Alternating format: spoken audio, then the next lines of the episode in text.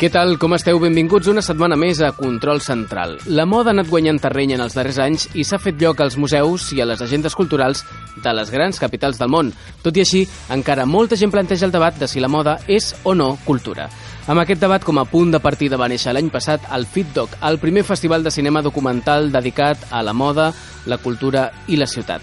Es tracta d'una iniciativa única a l'Estat que ens proposa descobrir des del setè art la riquesa que s'amaga darrere d'aquest fenomen i com la moda no pot explicar-se únicament des del punt de vista dels creadors. Perquè la moda és moda gràcies als dissenyadors que la conceben, als fotògrafs que la interpreten, als periodistes que l'expliquen, a les persones que la llueixen i a l'entorn al, al qual pren relleu. Moda, cultura i ciutat s'entrellacen des d'aquest dijous i fins al diumenge a través d'una programació molt interessant que en uns instants repassem. Abans, però, sumari.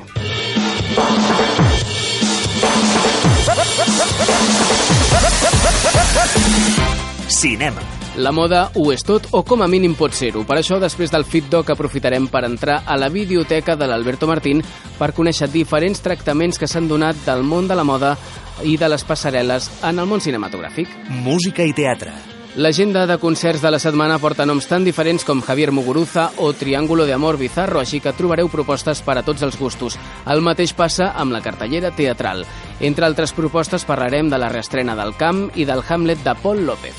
Exposicions. Acabarem parlant amb la Sílvia Olmo, que arriba força reivindicativa aquesta setmana i ben informada sobre un dels grans temples de l'art modern, la Phillips Collection de Washington, que aterra a Barcelona.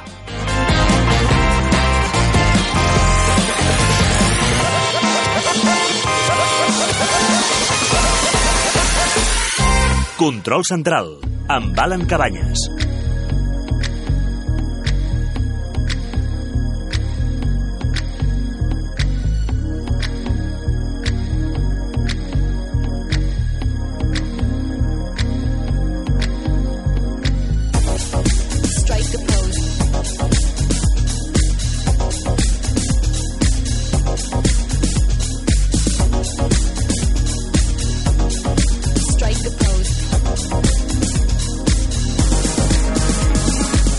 Dèiem a l'inici del programa. Aquest cap de setmana Barcelona acull la segona edició del FitDoc, l'únic festival de cinema documental de l'Estat que pretén mostrar a la societat la complexitat de la moda com a fenomen cultural i com a mirall fins i tot de l'evolució social i històrica.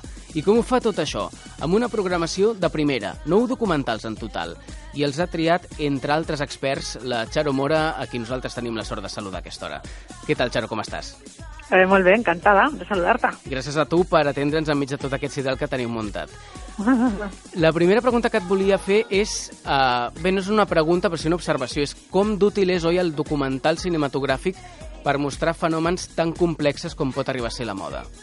Bueno, perquè té la virtut de que té temps, un documental té temps, és, Mhm. és mitja hora, és una hora, és, és, cent- són 100 minuts, com el documental d'apertura d'aquesta edició. Aleshores, uh, tens temps per explicar històries, eh, que poder és el que no et permet uh, doncs un, uh, un altre mitjà. I tant. que, pues, que pot ser un reportatge, que pot ser en, en, en, en paper, bueno, tots els mitjans que tenim, però el documental és, bueno, és... És més reposat i és més adient en aquests casos. Sí, és, és, és amigo no, del, del cinema, no? Mhm. Aleshores, bueno, t'explica una història, en aquest cas que és real, cinema és ficció, però tens temps, i això és una virtut per, a l'hora d'explicar alguna cosa més o menys bé. Moda, cultura i ciutat. Aquest és el lema, entre cometes, que acompanya sempre el FitDoc. Quina és la Sí. filosofia amb què el festival entrellaça aquestes tres àrees? Pues eh, moda, eh, cultura i ciutat. Bueno, sobretot perquè la, la visió del festival és, eh, de la, a, a, vers la moda és com un fenomen cultural, Mm. eh, el tema de cultura és, és, és ja des, desprèn de, del de la moda, però bueno, també és una declaració d'intencions, no? I bueno, el nostre punt de vista és aquest, no? I després ciutat està vinculat a, amb, la, amb, la, amb, amb el concepte de ciutat, el de Barcelona, no? Perquè està, està aquí, Sí. en aquest cas, però també de, de ciutat, ciudades, Mhm. o sigui que és, una, que és un... Com a ecosistema de la moda. Com a ecosistema de la moda, com a ecosistema de la nostra cultura, de, bueno, de vivir un, una part de la, de la història, al final del segle XX i XXI, pues que les, les ciutats són com grans eh, grans tòtems, no? amb la seva personalitat, són com grans Mhm. personatges. No? De fet, hi ha gent que inclús les, les estudia com a marques, no? com I tant, des, sí. de, des del branding també, no? una manera també d'aproximar-se a ells. No? Però són grans ecosistemes, sí, crec que és una molt bona definició. Parlant de moda i de cultura, per què creus que encara s'ha de justificar això de que la moda és cultura? pues, eh, no s'ha de justificar, ja és una, jo crec que és una obviedat, vull dir que Sí. ja és, és un, eh, és algo que ja tothom té molt, molt assumit, no? Fa 10 anys, fa 20 anys, doncs poder no tant, no? D'una manera ma, eh, més generalitzada, vull dir, no? Mhm. eh, de, de, cara al, de cara al públic, no? Pues, bueno, fa igual 40 anys, no? Pues, eh, ai, pues la moda és una cosa muy frívola, no? I és veritat que a, di, a, a dia d'avui hi ha aquesta perspectiva que encara hi és, no? De, ah, pues és algo muy frívolo, no? Però, bueno, pot ser-ho, però és molt, molt més, no? És molt més que això i molt, molt moltes coses al seu, al seu voltant. Eh, Exacte, o sigui que hi ha moltes coses al seu voltant i sobretot que els punts de vista que pots tenir eh, a l'hora d'observar, d'analitzar, d'intentar entendre la moda són molts, no? Eh, T'ensenya moltes coses, no? És, és un fenomen molt complex, eh? bueno, és un fenomen Mm, humano i tant. i per tant I com a té, tal, té, complex. té moltes lectures, exacte. Xaro, eh, comencem, si vols, a parlar una miqueta de- d'aquesta edició. És la segona que es fa. No sé si heu preparat alguna novetat respecte a l'any passat. Pues, eh, tenim més, eh, més activitats paral·leles, hem crescut amb això, des del, del número 1 eh, de la primera edició tenim una taula rodona, que va Mhm. ser, no és, va ser l'activitat eh, paral·lela, com si diguéssim, més enllà dels documentals, i, amb, i aquesta vegada tenim tres taules rodones i, a més, eh, tenim també una, una festa que es desprèn de la temàtica d'un de, d'un dels, eh, dels, dels dels documentals. que que és Després parlem d'això, no anem Perfecte. desvetllant secrets, però sí, Sí, que vull començar perfecte. per la, per la projecció inaugural que heu triat. És un documental que està dedicat a un personatge una mica controvertit dins del món de la moda, que és Jeremy Scott. Molt ràpidament, no sé si pots fer cinc pinzellades de per què heu decidit eh, aquesta cinta i una miqueta el perfil de, de Scott. Bueno, el, el perquè de la cinta, perquè era una cinta que, que, que agradava tant des d'un punt de vista de, lo- com de, de lo que contava i com lo contava, sí que tenia els estàndards de qualitat, com diguéssim, que els tenia, era un documental que es podia veure, no? que interessava, Sí. una història interessant, això nú- número uno, i després eh, perquè eh, l'aproximació que fa al, a, al dissenyador, que és un dissenyador molt polèmic, molt mediàtic, eh, bueno, és el, un dissenyador més que treballa molt amb tots els, els seus codis, eh, integra molt el seu treball als codis de la, de la cultura popular, i bueno, ens ensenyava les dos, les dos parts, no? O sigui, tant aquest personatge mediàtic, que és una mica el que tothom coneix, el dissenyador, d'aquest d'aquest tipus de... I després ensenya l'altre, va a la persona, el personatge és una persona, no? I porta pues, a la Kansas profunda per uh, que és on ell va néixer, és, uh, bueno, Mhm. la seva família, el, teu, el seu entorn, o sigui, Saber els seus com aquesta orígens. persona, exacte, com aquesta persona, bueno, ve d'una- d'uns orígens molt diferents. El cert és que al principi del programa nosaltres dèiem que els protagonistes de la moda no són sempre els seus creadors ni moltes vegades les seves creacions. També a vegades Mm. és gent que interpreta la moda i aquest Mm. és el cas, per exemple, d'un altre nom important d'aquesta edició, que és Bill Cunningham, que és un fotògraf del New York Times que va tenir molta importància en la relació justament del que també comentàvem al principi de l'entrevista, no? de la moda i de Nova York. Com ho enfoca el, el documental que heu programat sobre, sobre la seva figura? Bueno, Bill Cunningham és, és un personatge molt conegut al món de la moda, una persona que eh, se, la, se la veu encara, i és una persona molt, molt gran, eh, quasi té 90 anys i segueix estant a, la, a, doncs a Bryant Park, a les, a, quan es desfilava a Bryant Park i ara és a Lincoln Center, de fora, eh, eh, Mhm. fotografiant a la gent que entra, que té un superbon look, etc i també, eh, també a les celebrities. Una persona que eh, és, és icònica en aquest sentit i s'està molt tothom i després té una tasca impressionant al New York Times, a una pàgina que és ell, que, és, eh, que era sobre, que ja va començar a publicar fa dues dècades llargues, Sí. que era sobre la, com es vestia la gent al carrer. Això va ser totalment nou, o sigui, de repent no es parlava de, de lo que passava a les passarel·les, no de com es vestia la gent al carrer. Llavors, diguem-ne, el precedent de sartorials i de blogs de, blogs de, dedicats a tendències. També hi La haurà... La tendència és al carrer, molt important. Sí. També Sí. hi haurà un temps per la reflexió en aquesta edició. Uh, parlareu d'un fet que va tenir lloc el 2013, quan va haver un accident a Bangladesh en una gran factoria tèxtil. Uh, La notícia va posar sobre la taula les condicions de treball de les persones que treballaven per grans marques del retail, Mhm. algunes fins i tot espanyoles, i tot això ho recolliu en un documental preciós que es diu The True Cost, una cinta que planteja la situació en la que viuen totes aquestes persones, és a dir, que també el FitDoc s'obre a parlar dels temes doncs, que no agraden tant al sector. Bueno, uh, és que parlem de tot, parlem de luxe, perquè hi ha documentals que parlen de luxe i com es fan les, les coses que, que costen molts, molts diners, a tot la, el, els artisans que treballen per l'alta costura, però també un, el, la part, entre cometes, crítica, si és que se pot dir així, perquè és, és que és un punt de vista a dia d'avui mm, que és mm, és un un punt de vista que no, tot, no és, és que és justo i necessari. O sigui, Sí. És una de les idees que estan incorporades diguem-ne, dintre de, de, dels nostres valors, no? És, és, són idees que encara s'estan debatint, que estan Mhm. reflexionant sobre elles, i s'hi mostren, doncs, en aquest cas, el de True Cost, com su no, propio títol indica, Sí. pues t'explica quan val una pre- prenda, quin valor té en el sentit de, de Allò coste. de, per pagar nosaltres 10 euros per una samarreta, prèviament ha hagut de passar tot exacte, això. Exacte, uh, com, o sigui, com funciona no? el, el, el sistema, no? com és que surten tan, tan, tan barates, tan econòmiques, no? Mhm. I, I després hi ha l'altra part, pues, que també mostra exacte, no? en alguns casos, pues, uh, condicions, uh, o sigui, la, la cara no tan maca, no?, moltes Sí. vegades, de, de, del sistema, no? Però, uh, bueno, uh, vull dir que hi ha altres parts del sistema que sí que, que no totes les fàbriques són iguals, ni totes les, les condicions són, són terrorífiques, no? Mhm. Ni molt menys, no? Però, bueno, eh, posa l'ull amb un tema que ens interessa a tots. I A tant. tota, Que moltes vegades el deixem una miqueta de banda perquè no ens interessa gaire, però que vaja que existeix. tots, tam també a la moda i també Mhm. les marques estan molt interessades en, en millorar i avançar i, i, i, i tot, no? Però bueno, és, és, és un canvi, I una tant. transformació que estem vivint tots a nivell social, no només a la moda, eh? Sí, sí, dir en, que, tots, eh, en altres sectors també. en tot, tots els actors que tinguin que veure amb el consum, amb el consum massiu. El que passa que la moda, doncs, bueno, és més...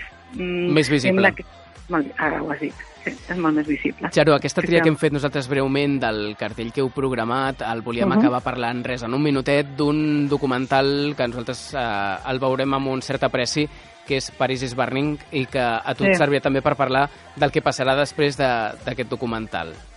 Sí, uh, el Paris is Burning és un documental de l'any 90, és un clàssico, um, es va rodar durant 7 anys, la seva directora, Mhm. re- realitzadora, que ni venia tan sols del món del, del cinema, i sí, la va, durant 7 anys va recollir la realitat d'una gent que vivia al Nova York del, dels anys 80 pues, en unes condicions eh, difícils a nivell social, quasi de, ja te digo, de riesgo, d'exclusió, però sí, moltes vegades sí, no? I bueno, com creix, na- neix una, una escena de, de, de ballrooms que ja venia de, d'abans, i a partir d'aquesta escena cultural, eh, Sí. aleshores, tota aquesta gent que no té un lloc o no troba un lloc al, a, la, a la societat, Troba una via d'escapament. m- més que una via d'escapament, és, és una realitat paral·lela en la Sí. qual sí tenen espai, perquè fora no el, no el tenen. O sigui, les condicions que tenen ho tenen tot, entre cometes, uh, incorrecte. O sigui, ni tenen el color correcte, ni tenen tampoc la, uh, la, la intenció sexual correcta, etc. O sigui, uh, dic correcte dic entre cometes. Sí, vull sí, dir, sí, no, no, que realment... La qüestió sí, és que gent tota que aquesta fora- anomalia, entre cometes, aquest sentir-se fora, ho canalitzen a través d'un moviment que es diu voguing, no? I que és el que Bueno, és que, sí, més que anomalia, és que no, no, no responen al Sí, patró... al cànon habitual, al la qual tipus, cosa tampoc ha de ser dolent, però és el que social. marca la... la... És eh, el patró tipus social. I aleshores, clar, no, no troben un espai i aleshores crea una realitat paral·lela en la qual troben també la, la seva pròpia identitat. És tot un, un, un és un, tot un discurs sobre la identitat. Sí. I com els humans al final la, la, la identitat. Clar, molta d'aquesta gent, d'aquests col·lectius, eren o, o gais o transexuales o estaven... O sigui, és que tampoc dona- eh, eh, o sea, se, se, se Mhm. adaptaven a el canon eh, tipo eh, social eh, que estava totalment reconegut. No? I aleshores, bueno, pues, eh, és, és, un, és un documental impressionant. És un impressionant. documental que a més ens permetrà després obrir, mm. ho dic per, per resumir una miqueta, un debat molt interessant sobre tot aquest moviment, el voguing, i que acabarà amb una exhibició a, a la Mm. fàbrica Moritz, en la qual hi participaran, moderant tot això, el nostre company Jordi Xicletol, que sé que ha col·laborat moltíssim amb vosaltres per, per posar en marxa aquesta activitat. Uh, Sí. Xaro, el resum és que teniu una programació molt variada per la gent que estigui interessada en el punt de contacte que té la moda amb la música, per exemple, amb el món de la Mm. creació, amb els problemes socials, i que aquest cap de setmana tothom té una cita ineludible a Barcelona amb la segona edició del FitDoc als cinemes Aribau Club. Nosaltres ja et dic des d'aquí que no ens ho podem perdre. Exactament, estic d'acord, no ens ho podem perdre. No ens ho podem perdre. Ens veiem allà, al Cinema Saribau Club, aquest cap de setmana. Xaro, que vagi molt bé. Serà un plaer. Gràcies. Gràcies. Adéu. Adéu. adéu. Però la moda no acaba aquí.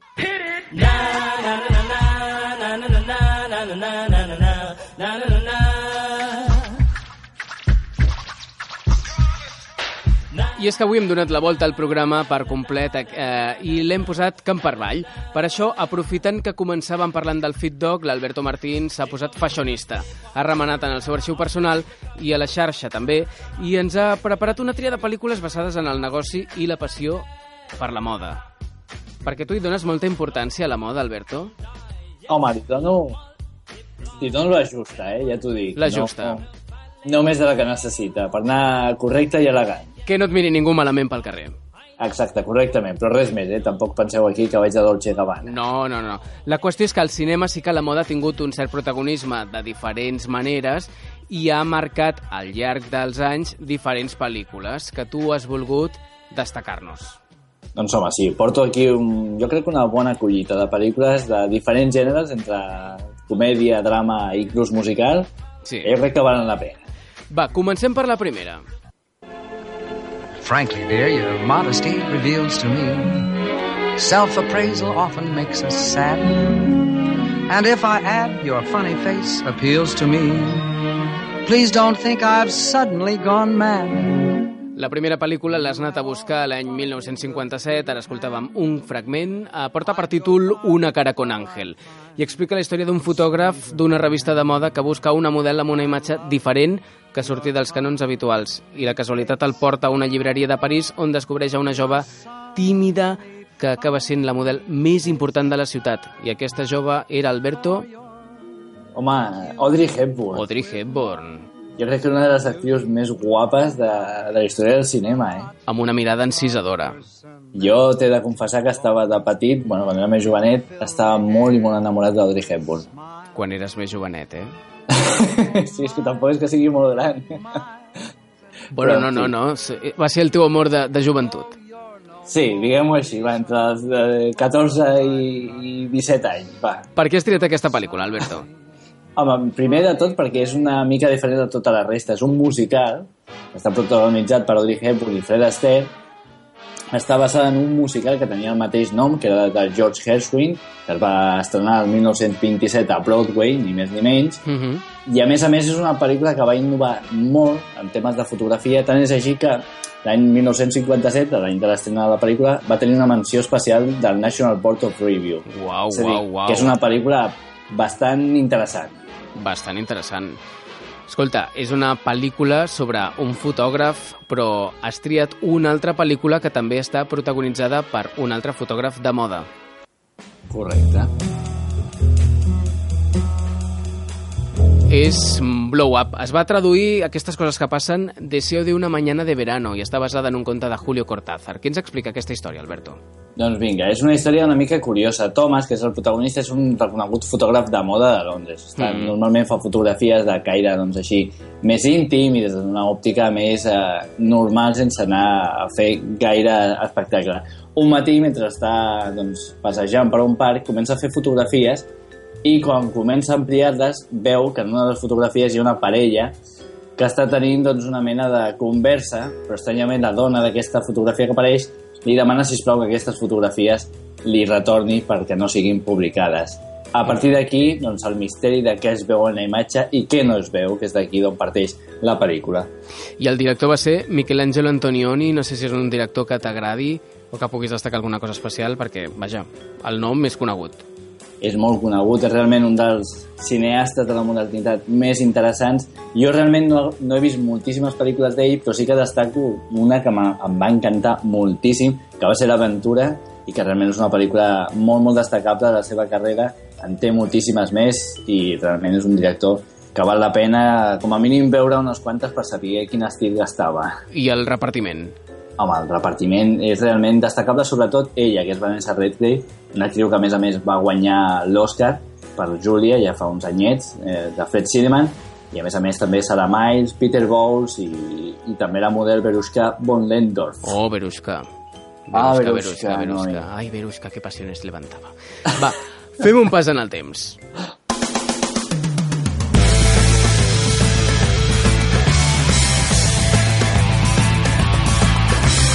Recentment se n'ha fet una segona part que sé que no t'has perdut perquè és una de les teves pel·lícules preferides, però l'original ens va sorprendre l'any 2001 a Zolander. És una, és una petita joia. Jo sé que de veritat hi ha gent que pensa que és una bogeria, que ho és, i que és molt estúpida. També ho és, però és que està feta amb tant de carinyo que val la pena veure-la per riure una bona estona, eh? Uh -huh. uh, no sé, Ben Stiller està força bé, no? Home, ja està impressionant, de veritat. Fa un paper molt, molt divertit. Ell fa de Derek Solander, que dona títol a la pel·lícula, que és un model molt famós, que durant molts anys ha estat a la, a la cima de, de, de tota la moda, però que ja comença doncs, a passar-li per sobre un altre, que és Hansel, que és el d'actor... Ara no em sortirà el nom, malauradament. Ai, a mi no, Ai. no, no, no em busquis en aquestes coses. Ai! Perquè- No, però tothom el reconeixerà quan vegi la pel·lícula. I, en fi, fan, tots dos fan un paper realment molt divertit, fan molt bona parella, molt bona química a la pantalla i, de veritat, és una pel·lícula per riure tota l'estona. En una frase, abans de canviar de pel·lícula, digue'm per què t'agrada tant.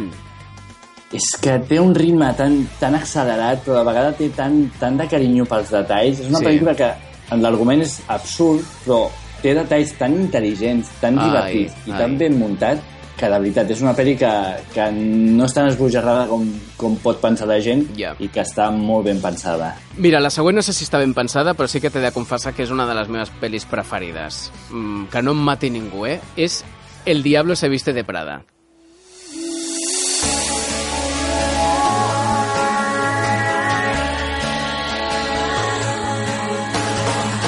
El repartiment està encapçalat per la genial Meryl Streep i no sé si tens alguna curiositat de les teves sobre la pel·lícula, Alberto. Aquestes coses que fas tu, que investigues. Ai, faig bones investigacions. Doncs mira, és curiós perquè molts modistes de la vida real van ajudar a la pel·lícula donant les seves, bueno, les seves, els seus vestits i les seves Per fer confeccions. aquestes sessions de foto tan famoses que feien elles, no? Exacte, sí, sí. Chanel li va prestar algunes de les seves col·leccions del 2006, Donna Karan, Valentino... Uau, quin Valentino. nivell. I, per descomptat, Prada també va donar vestits a la pel·lícula. Clar, aquí ja no parlem de fotografia, perquè hem parlat de dues pel·lícules que parlaven de fotògrafs de moda, sinó de premsa de la moda i d'una editora una mica esbojarrada, obsessiva i insuportable. Doncs sí, la veritat, és una mica... Una, una persona una mica difícil, per dir-ho així, que és Miranda Priestley, Mhm. la pel·li de Strip. Realment, no t'has de disculpar, jo crec que la pel·li està molt ben feta. Ah, merci. Se'n va més enllà de la comèdia romàntica normal, Sí. se'n va més cap a l'evolució i la maduresa dels protagonistes. Mhm. Sobretot fa un retrat de la- de l'editorial i de la moda editorial bastant, bastant cínic i bastant durillo. I tant, no, no. Jo, que sóc periodista, mai he tocat el tema de la moda, però veritablement si arribar a treballar en una revista de la moda és d'aquesta manera, jo li regalo a qui vulgui. Jo, jo marxo directament. Tu marxes, no? Emigrem, emigrem. Amiguem, amiguem. S'ha de dir també que la pel·li és una adaptació d'un llibre. Que, Sí. que guió no és tan conegut, però que va ser un best-seller en el seu moment moment mhm. i va estar traduït fins i tot a 27 llengües. O sigui Imagina't. que, déu-n'hi-do. Imagina't. I avui tancarem secció amb dos biopics. Uh, el primer és del 2009 i està dedicada a una de les grans figures de la moda, la creadora del concepte pret-à-porter, que és Coco Chanel, i en aquest cas la interpretava Audrey Tautou. Oh, ui, ui. Ui, ui, ui, ui. doncs sí, tot i que s'ha de dir que la pel·lícula és una mica freda, Sí. realment és un retrat, és un biopic que està bastant bé, bastant correcte. Primer comença pels primers anys a l'orfenat amb Audrey Tautou fent de Gabriel Bonner Chanel, que és el nom sencer de, de la Coco Chanel, Mm. quan estava també amb la seva germana Adrienne. Fa una miqueta doncs, aquest repàs a la joventut i després quan se'n va amb el seu protector però que realment ella no vol casar-se i comença a expressar-se sobretot al, a la vessant de la moda i a la- i a l'hora de vestir-se amb aquest vestimenta... Va mostrant caràcter, ella. Exacte. O sigui que és una pel·lícula doncs, que fa un retrat de- d'una dona que va començar a ser com un estàndard de, de ser feminisme, introduint sobretot els looks andrògins a les noves tendències. Exacte. I l'altra pel·lícula també en aquest mm, corrent de biopic eh, és de l'any 2014 i està dedicada a un altre personatge molt important de la moda contemporània que és Yves Saint Laurent. Doncs sí, senyors. I és una pel·lícula que crec que entre totes dues està una miqueta per sobre, és un molt bon retrat, sobretot els moments de passarel·la són realment, visualment, són molt potents, però de vegada doncs, eh, s'encarinya massa amb aquestes escenes, tot i que el retrat que fa de, de Yves Saint Laurent és molt encertat, també és, una mica, és molt dur, no és que sigui complaent amb aquesta figura, i és una pel·lícula bastant destacable. Mhm. Jo la veritat és que m'han dit que entre aquests dos biopics el millor és el de Yves Saint Laurent. Sí, jo també... I mira que és la primera pel·lícula que fa el director, que abans havia estat actor, abans de ser director, però que realment comença a destacar amb una òpera prima que, que crec que dona ja símptomes de que pot, podem tenir un bon director aquí. Mhm. És a dir, que estàs a l'espera tu de què va cuinant aquest home. Doncs sí, exacte. I, I una cosa curiosa que em va, em va fer molta gràcia és que Yves Saint Laurent, no sé si és veritat o no, tenia dues addiccions molt diferents. Una va ser la cocaïna, Ua, que la va deixar Sí. pel bé de la seva salut, evidentment, Sí. però això li va generar una altra addicció que Quina? diuen que és que es, ve, es bevia diàriament litres i litres de Coca-Cola. per compensar. De coca a coca, molt bé. Millor la segona, tindria una miqueta més de panxa, però molt més sana, i tant que sí. Correcte, sí, sí, va. Alberto, moltes gràcies per aquesta selecció de moda que ens has fet. De fet, fixa't que t'hem fet passar avui per davant de tothom, eh? Que de tant en tant ja et toca, que sempre quedes l'últim. Avui ja dic, m'he vestit de gala perquè sabia que la- l'ocasió ho necessitava. I tant que sí. Gràcies, Alberto. Fins la setmana A que ve. vosaltres. Adéu.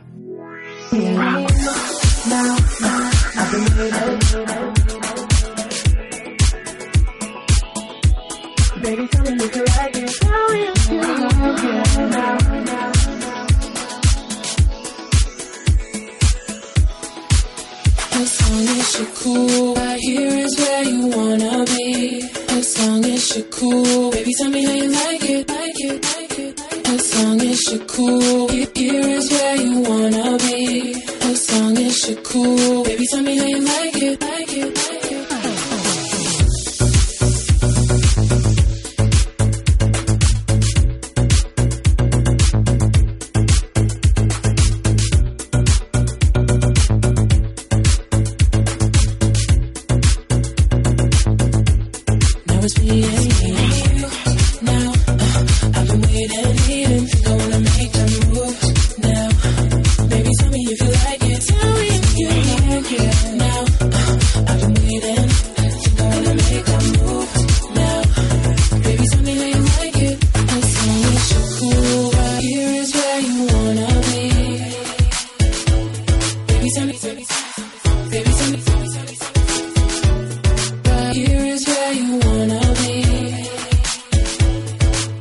To me.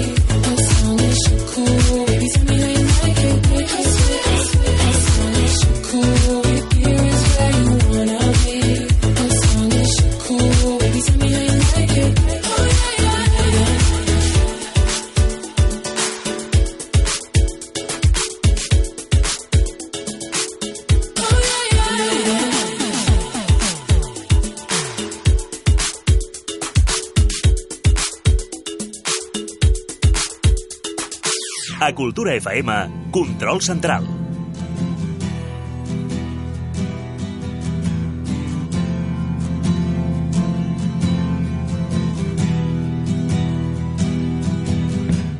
Avui el Gabinet Escènic comença parlant de teatre, d'una reestrena que podeu veure al Teatre Gaudí fins al 10 d'abril, al Camp,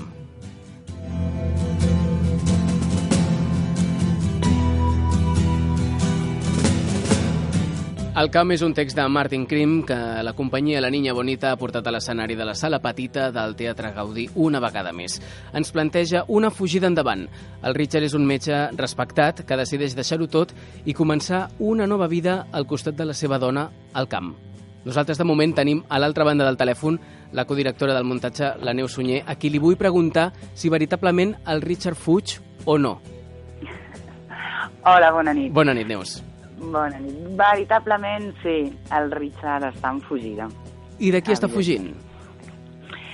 Uh, doncs el Richard uh, fuig una mica com, com aquesta societat urbana que està malalta i que busca Sí. el camp com si fos un, un lloc d'evasió, no? Uh -huh. Com tornar a començar des d'un un ideal, un lloc idíl·lic. No? Però que la societat eh, continua malalta si no es confronten en profunditat el que, i amb sinceritat Uh -huh. eh, el que hi ha per dintre. Ell, d'alguna manera, aquesta sinceritat veu que l'ha de trobar en el moment en què apareix enmig de la seva relació de parella una segona dona, que és la Rebeca. Què representa aquest altre personatge?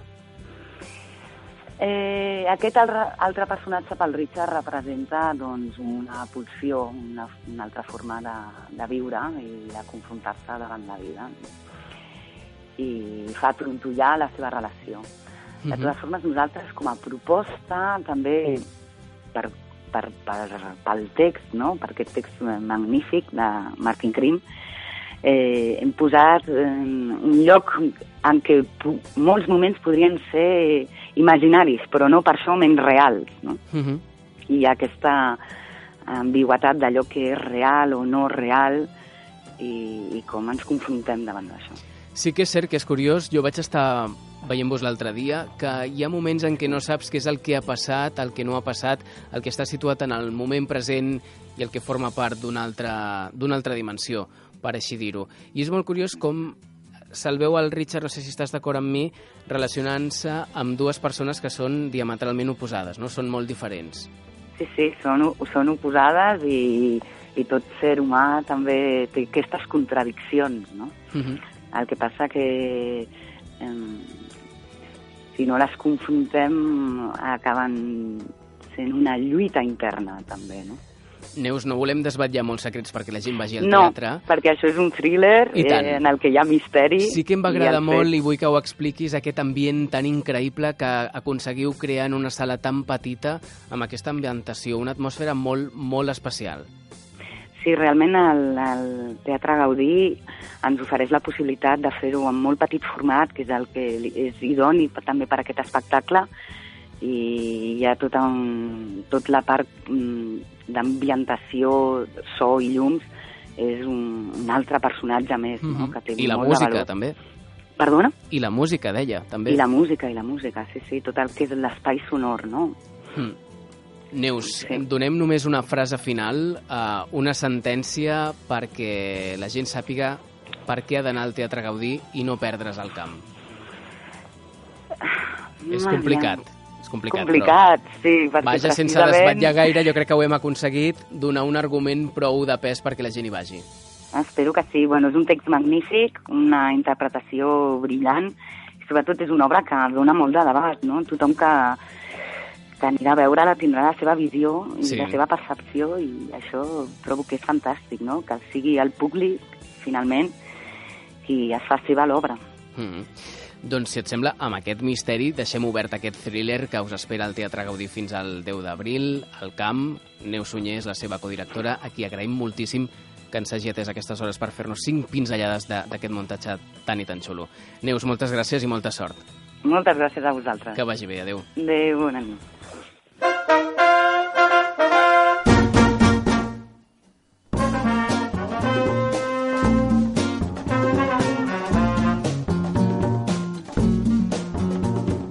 Nosaltres seguim parlant de música. Aquest concert no serà fins al proper dissabte 19, però us l'avancem perquè no us quedeu sense entrades.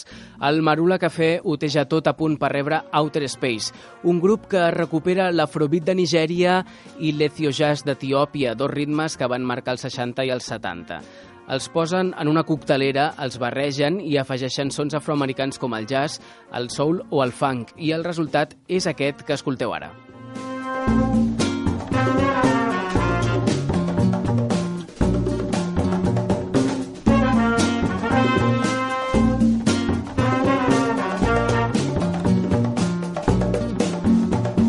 Gravat el seu primer treball discogràfic, es diu Chase Across Orion, un viatge sonor que us portarà cap a paradisos tan diferents com el continent africà o la selva urbana de Nova York. Correu perquè les entrades volen per veure'ls i serà el proper dissabte 19 al Marula Café.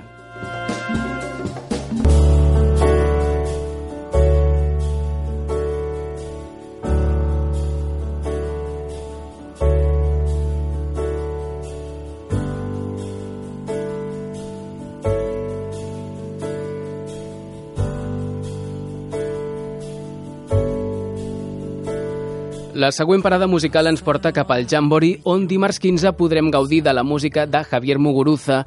Aquí veurem tocant l'acordió acompanyat de Miquel Alfirós al piano, Ignasi González al contrabaix i David Gómez a la bateria. ekartzen du notza adibidez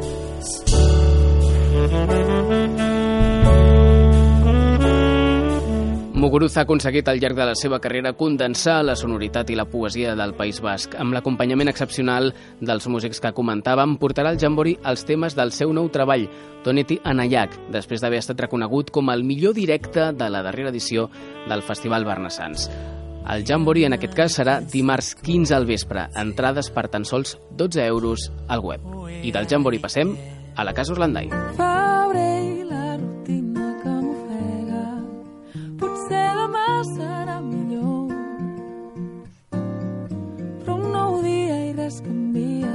batega i el fred s'ha instal·lat al moll de l'os records amagats en les costures de l'abric de pell d'hivern Atenció perquè això sí que és aquest cap de setmana. El Centre Cultural de Sarrià ens proposa descobrir el nou treball de la pianista Clara Pella. El disc es diu Mimulus i us encantarà si encara no l'heu descobert. Per donar-lo a conèixer justament, la Clara ha preparat un espectacle íntim i sensible que, com ella, també és enèrgic i amb caràcter a la vegada. Sobre l'escenari es farà acompanyar de dos grans artistes i dos dels seus grans amics, els cantants Sandra Sangyao i Alessio Arena, un habitual del nostre programa, que posaran veu a les noves cançons d'aquesta gran pianista que en la gravació del disc va acompanyar-se de gent tan gran com la Judith Nederman, a qui escoltem de fons. Al carrer aquests minuts són una festa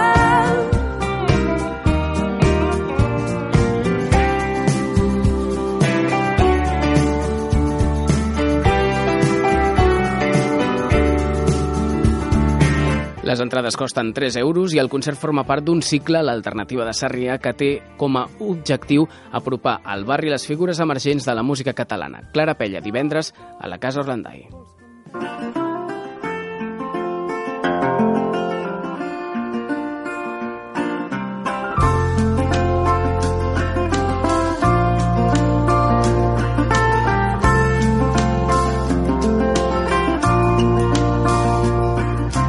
Nosaltres canviem de vorera, anem cap al teatre. És el personatge que vol interpretar tot actor de teatre, protagonista d'una obra canònica que es representarà pels segles dels segles perquè sempre serà atemporal.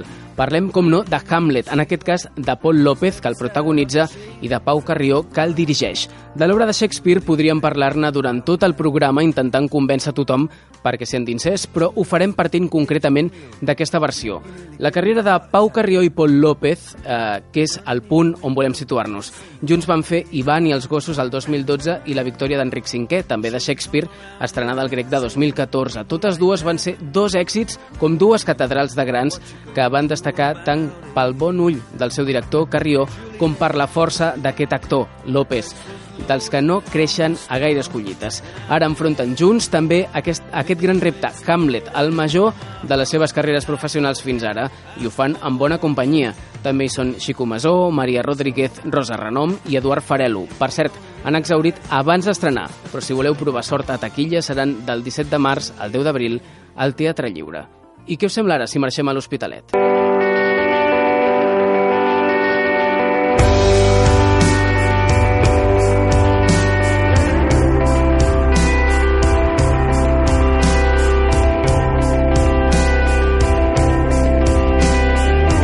I és que segueix viu i ben viu el Let's Festival, el festival de música independent de la nostra ciutat veïna, de l'Hospitalet.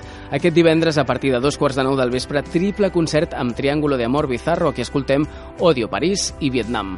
Els gallecs Triángulo de Amor Bizarro presenten Salvi Discòrdia, publicat a principis d'aquest any. Ja no poden sortir en més llistes del millor, ni rebre millors premis pels seus discos, ni millors crítiques, ni ningú podrà dir que no tenen un directe increïble. En aquest nou treball han deixat enrere el hype i s'han posat a treballar i el resultat és una nova fornada de cançons que prometen sobreviure generació rere generació. Les dues altres bandes són de Barcelona. Què dir dels Odio París? Que la seva maqueta, que es deia maqueta número 1, molt original per cert, va ser de les més comentades en el seu moment, fins que l'any 2011 va veure la llum el seu LP de debut, amb molt bones crítiques. I per últim, Vietnam. Són una banda, una banda de THC Punk en marxa des del 2012. La seva última publicació és Fanáticos del Silencio, un EP que combinarà amb temes dels seus anteriors treballs. Però no és l'únic concert imperdible del cap de setmana a l'Hospitalet. Dissabte, a dos quarts de deu, també en el marc del Let's Festival, la Salamandra rebrà Miss Cafeïna.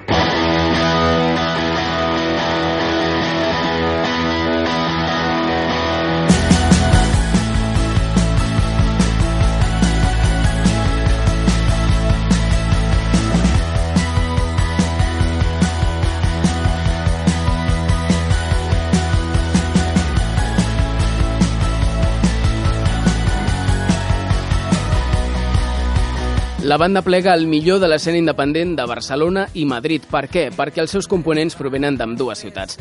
Coneixerem les seves últimes cançons i compartiran l'escenari amb Betty Bell, un conjunt que combina la veu amb les sonoritats emeses per màquines i instruments.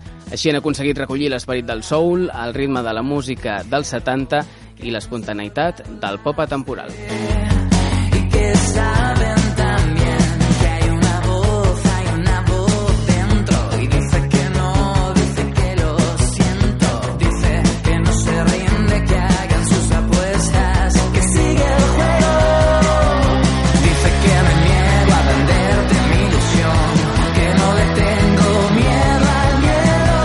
Tindrem bona música a l'Hospitalet, però compte perquè també hi haurà al teatre.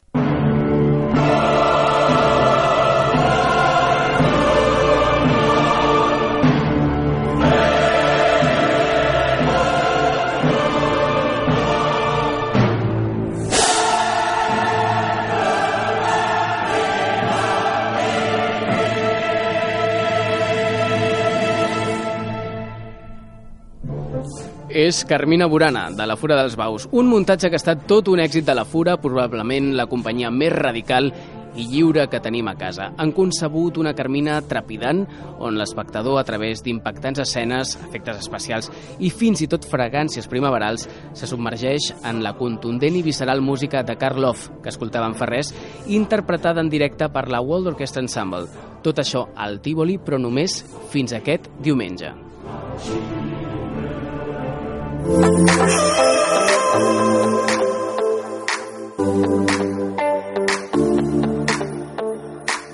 you. L'últim punt del gabinet escènic de la setmana ens porta cap a Resmatàs. Si no teniu cap pla interessant per la nit de dissabte, la sala del Poble Nou pot ser una bona opció. A la una, a la sala gran, hi trobareu Rufus, l'última sorpresa que arriba des d'Austràlia. I ja sabeu que tot el que surt d'Austràlia normalment acostuma a ser bo. És la primera i única, com a mínim fins ara, actuació que tindran al nostre país la banda B per presentar el seu segon treball, pop ballable, amb influències com Tame Impala, Maribo State o David August. Us deixem ballant amb ells i en un moment parlem d'exposicions. like an animal.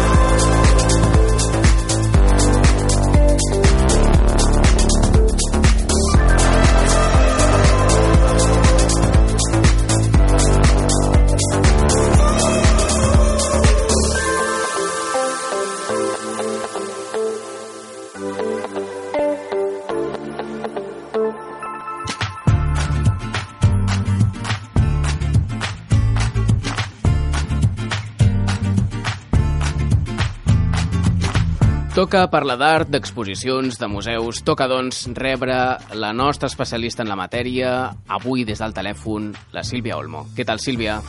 Doncs molt bé, Alan, perfecte. Amb les, les carregades i una selecció d'exposicions molt variada per aquesta setmana. Sí, eh? aquesta setmana hem celebrat el Dia Internacional de la Dona i tu vens, a més, he vist molt reivindicativa i amb molta càrrega social, eh? Sí, sí, ja veureu, ja veureu. Vinga. Escolteu el que ens ha preparat.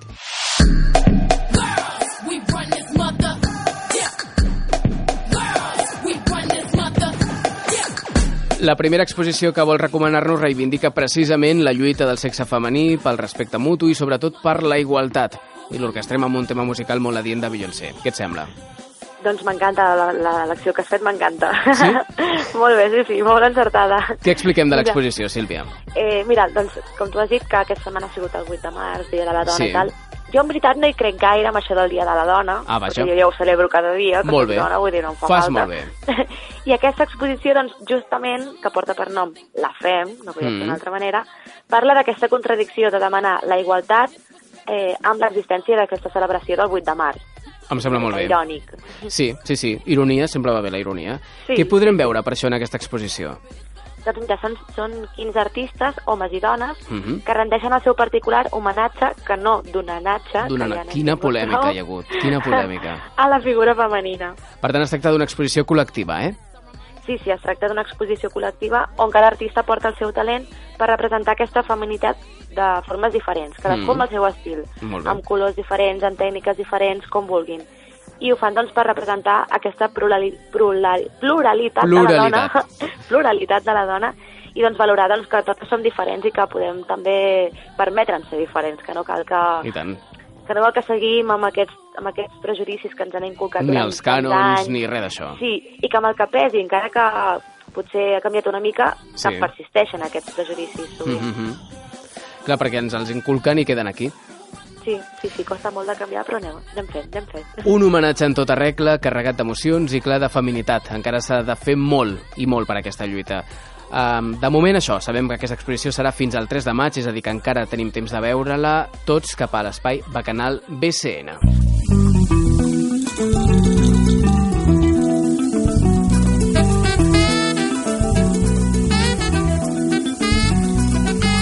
I ara seguim amb una altra reivindicació, però aquesta amb un to, amb un perfil molt més polític i econòmic. Avui vens forta, eh?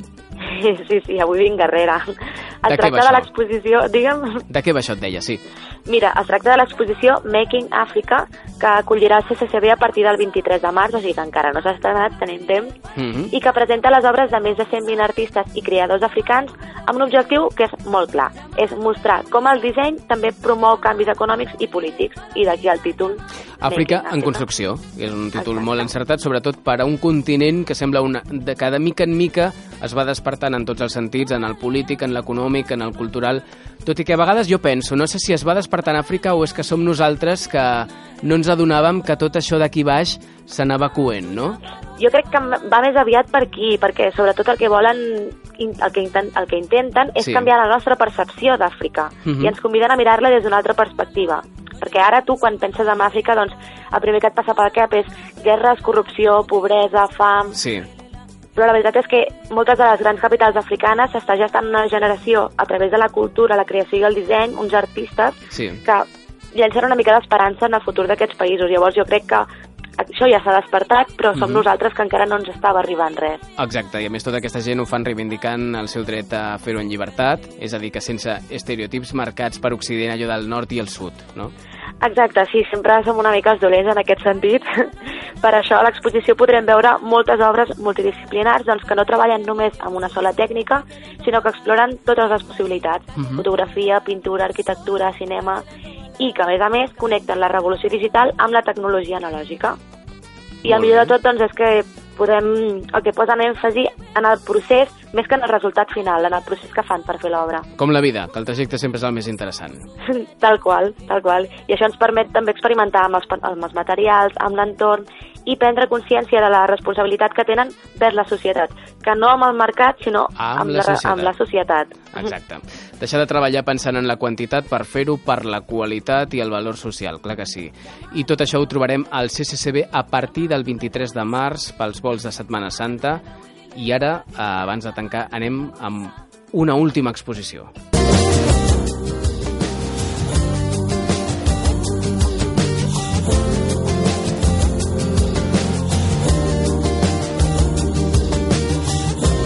Canviem de tema, baixem el to i ens relaxem per eh, presentar una exposició d'aquelles que sempre ve de gust mirar, sobretot si ets un amant de l'art, perquè es tracta d'una oportunitat única per veure algunes de les obres dels principals artistes de la pintura. Sí, de tant en tant per Barcelona també ens arriben algunes mostres de les principals col·leccions que hi ha repartides pel món i en aquest cas el Caixa Fòrum ens apropa una mostra d'obres que provenen de la Phillips Collec- Collection de Washington. Uau, poca broma, eh? Perquè parlem d'una de les col·leccions més grans dels Estats Units dedicada a l'art modern i que tindrem aquí a tocar de casa.